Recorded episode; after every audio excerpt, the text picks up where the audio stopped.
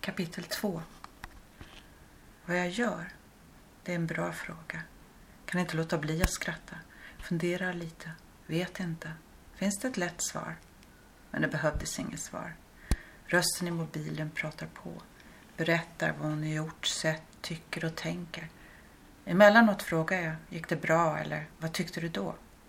Jag hör på rösten att hon har mycket hon behöver berätta, så jag lyssnar. Tonfallet har något tvingande över sig och stressat. Som om hon är rädd att jag ska tröttna på att lyssna. Det blir ett långt samtal. När jag ska avsluta det säger hon Varför berättar du aldrig vad du gör? Jag skrattar till och börjar berätta om installationen, hur den hänger och att jag inte riktigt vet åt vilket håll den vill förändras. Har pratat fort, tystnar, pausar för att andas in. Då säger hon Så trevligt att prata med dig. Hälsa, vi hörs.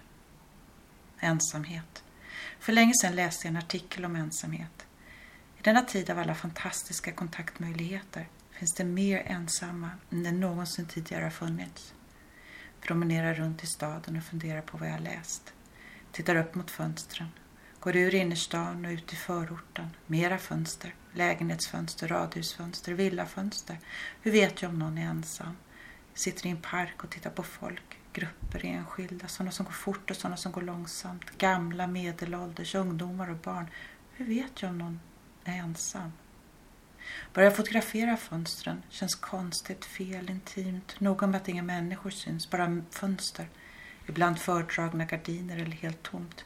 Olika fönster, olika byggnader, olika städer.